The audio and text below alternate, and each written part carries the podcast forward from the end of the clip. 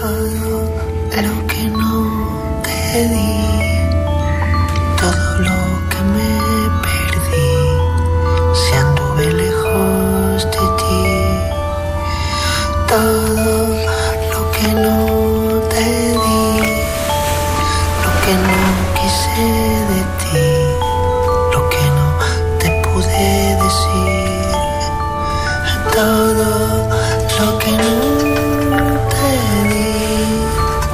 que no vi que estaba loco por ti,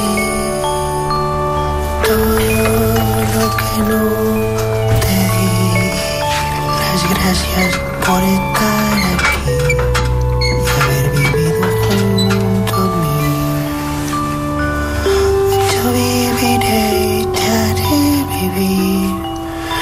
Sempre és un gust sentir l'Albert Pla, però és que en aquesta pel·lícula de la que parlarem ara, vaja, hi ha moltes oportunitats per casar-se amb ell perquè ho fa magníficament. És Murieron por encima de sus posibilidades, aquesta pel·lícula que us anunciàvem al principi, d'Isaki La Cuesta, que ve acompanyat no de l'Albert Pla, sinó del Jordi Vilches, que també ens agrada molt i que també fa molt de loco en aquesta pel·lícula. Bueno, una mica. T'ha crescut molt el cabell, eh? Això vol Sí, dir que, sí, que la sí. pel·li, clar, perquè allà vas ser amb el cabell supercurt, per cert, bona nit, No, era Isaki. perruca, era Molt bona perruca. nit. Era perruca? Era Doncs- perruca. Però, però integrada, molt integrada, no? I sortia del cervell tot aquell cabell. Home, ja te digo, el, el, que, el que no li sortia pel cabell, i vaja. Parlem, vaja, d'aquesta pel·lícula. Ho dèiem al principi, pagar hipoteques durant 80 anys no fa gràcia ni compartir, ni compartir pis als 45 anys, eh? tampoc fa gràcia. Però encara fa menys gràcia la frase aquesta que ens han repartit els polítics des de fa anys, allò que hem viscut per sobre de les nostres possibilitats. D'aquí a uns 15 dies, l'Isaki La Cuesta doncs, presenta als cines aquesta pel·lícula Murieron por encima de sus posibilidades, amb una colla d'actors disparats i meravellosos. Al capdavant hi ha l'Albert Pla, l'Ivan Telefunken, que l'hem convidat moltes vegades a aquest programa, per Don Simón i Telefunken, però ara el veiem en la seva faceta nuclear ja. Julia, Julián Villagran, Raúl Arevalo, però vaja, una llista que espectacular. Ariadna Gil, el Coronado, l'Àlex Brendemul, l'Imanol Àrias... Ara quedaria molt bé dir, ostres, és que tenia un pressupost que flipes, no? Però aquí em sembla que tothom ha hagut de... de tothom t'ha ajudat, tots els actors han, han posat el seu granet de sorra, oi? Hem fet la pel·lícula en cooperativa, que segurament era l'única forma de poder-la fer, de tal forma que tots hem invertit el nostre curro i si la pel·lícula va bé, doncs potser cobrarem alguna cosa i, i si no, ens ho hem passat molt bé fent-la. Doncs jo crec que la gent, home, s'ho pot passar molt bé també la gent que vagi al cine i jo crec que, que vaja, que, que pot ser una festa. Eh, ràbia i incomprensió que s'escapa al final amb una rialla perquè és el que al final volies fer, una pel·lícula per riure, que jo crec que la pel·li és una passada, rius molt, però a més mm, jo crec que encara us, us ho vau passar millor els que fèieu la, la pel·li. No sé, Jordi Vilches, tu com ho vas viure? Jo m'ho vaig passar molt bé. Però- Perquè... No, no, m'ho vaig passar molt bé. Per les pastilles blaves, no? No, per, per l'equip, per l'ambient que hi havia, com que tothom sabia que no cobraríem i tal, pues l'ambient estava molt relaxat, perquè ningú havia de demostrar res, simplement pues, passar-nos-ho bé. Després l'Iñaki es, fa, es, fa, escri... es fa una criba natural, no? Sí. Només entra gent generosa Sí. entra bona gent. Després l'Iñaki escrivia el guió i jo acabava dient el que volia i això em va encantar. O sigui, a mi hi ha gent que em diu, hòstia, quin acudit més bo. Dic, sí, el vaig, el vaig escriure jo i el va improvisar Jordi Vilches. No, va, va ser un rodatge pues, bastant atípic i uh -huh. la veritat que, no sé, sona atòpic, no?, però vam ser una gran família rodant una pel·lícula que sabíem que no ens hi Amb- faríem milionaris. Amb un manigomi, que això Sí. té, ja té certa Sí, gràcia. és veritat, és que ja si comences dins d'un manicomi, pues, vinga. I acabes matant banquers, doncs tot ja quadra. Mm. Això no ho havíem d'explicar, o sí? Això Sí, de que- home, és el, és, és el més comercial que té la pel·lícula. Exacte, tenim I també una... pagant a futbolistes, que Això saps, això- com que semblen intocables, però també hem de parlar que, que es peguen a futbolistes, que també s'ho mereixen una mica, cony. I tant, perquè Sí. cobren una pasta i no saben què fer-ne. I sempre diuen que els diners els hi porta el pare, no? Que ells no tenen res a veure. És Sí, veritat. però Això és són, el que indigna però són més. orfes, a més a més, Exacte. que jo ho sé.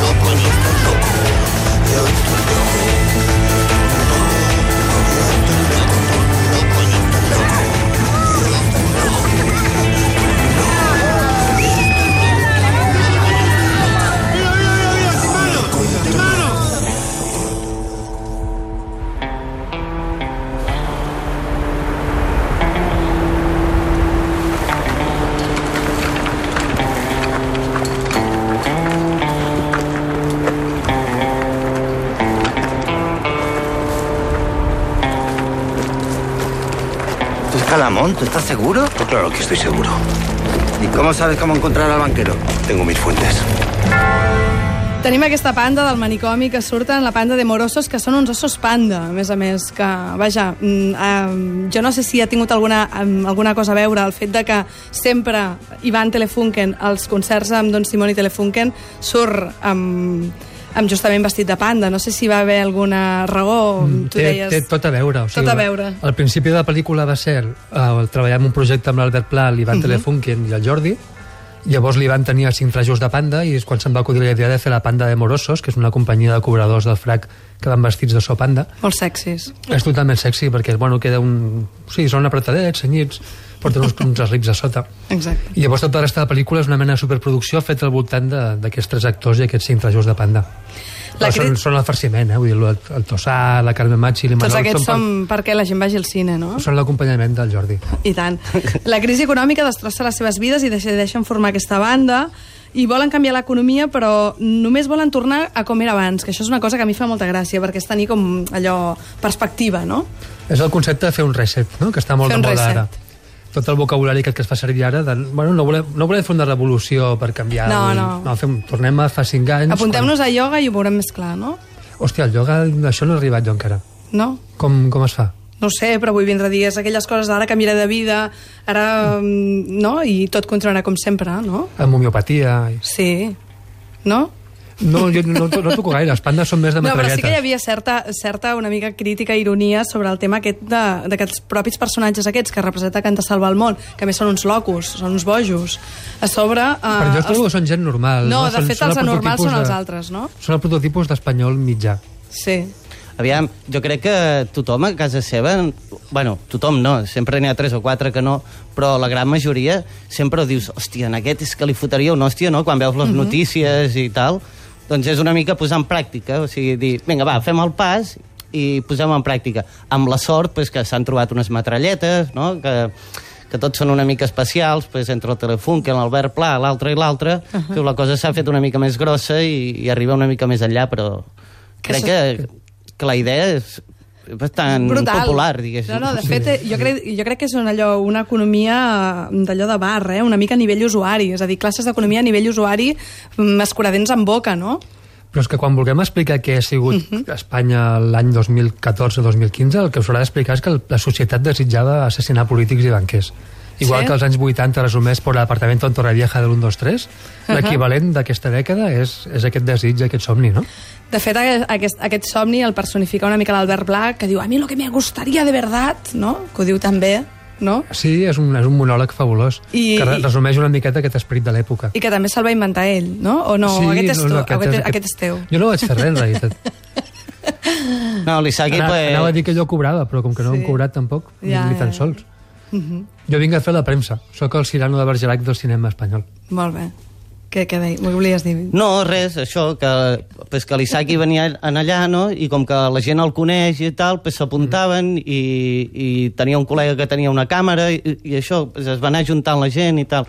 Però és que té un, una mica de do de gens i, i fa aconseguit fer la pel·lícula. És el que se'n diu fer producció executiva. Home, Juan Exacte. Cabestany, amb aquella pel·lícula de Gente, Gente en Sitios, també va fer una mica això. El tio no tenia pasta i va dir, bueno, doncs eh, llogo els actors allò un, un minutet i així no em costarà gaire car. És el mateix No, però concepte, cosa- però, però, Però és diferent. però costant, costant 500.000 vegades més i, amb, i amb moltes sessions. Una cosa bona que sí que puc dir de l'Isaki és que... El càtering, no. Eh, no.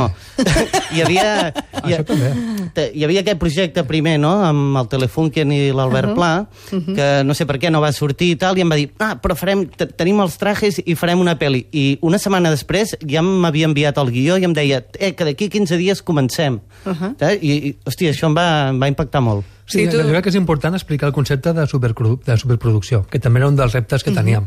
O Home, tu vens d'un altre tipus de cine, la gent té una fama de que ets un tio sèrio, que fa pel·lícules delicades, intel·ligents, intel·lectuals, i ara has fet aquí un blockbuster molt fort. Però això és el bo, que el meu públic habitual és tan petit que ningú no ho sap en realitat que he canviat. Uh -huh. O sigui, la gent que vagi a veure aquesta pel·lícula no en tenen ni idea del que he fet abans.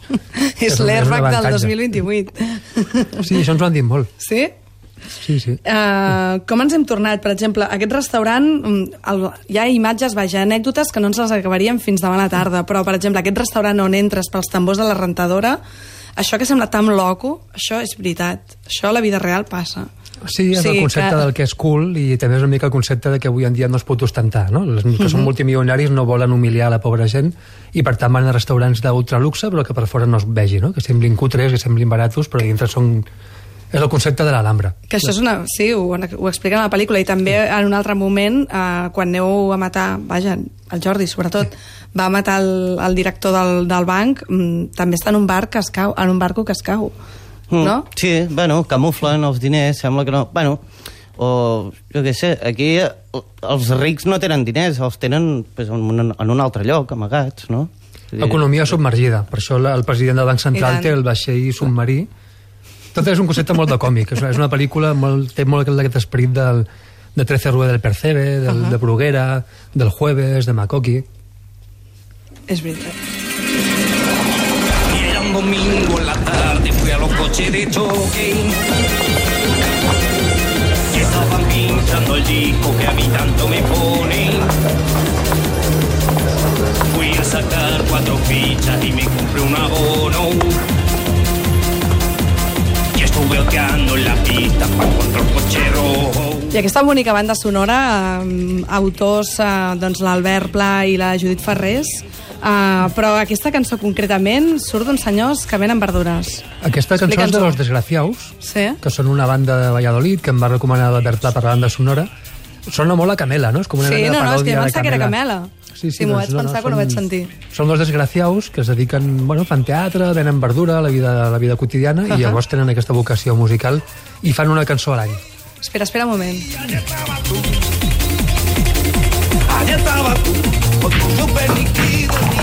I el millor de tot és Jordi Vilches fent de majoret, tio, però al billar. Vull dir, és molt fort, això. Aquests Mm. moviments Jackie Chan, d'on els ha sortret? Bueno, vaig veure la pel·lícula aquesta del... del El Tom Cruise, el Del Tom Tom Cruise. Cruise, Sí. jugant al billar. El El color del dinero. El color del dinero, Eh. perquè m'ho va dir l'Isaki, i vaig dir, bueno, però, però bueno, Sí? vaig copiar-ho una mica. El que passa que em van portar un especialista de billar que em va col·locar les boles allà perfectament, Sí?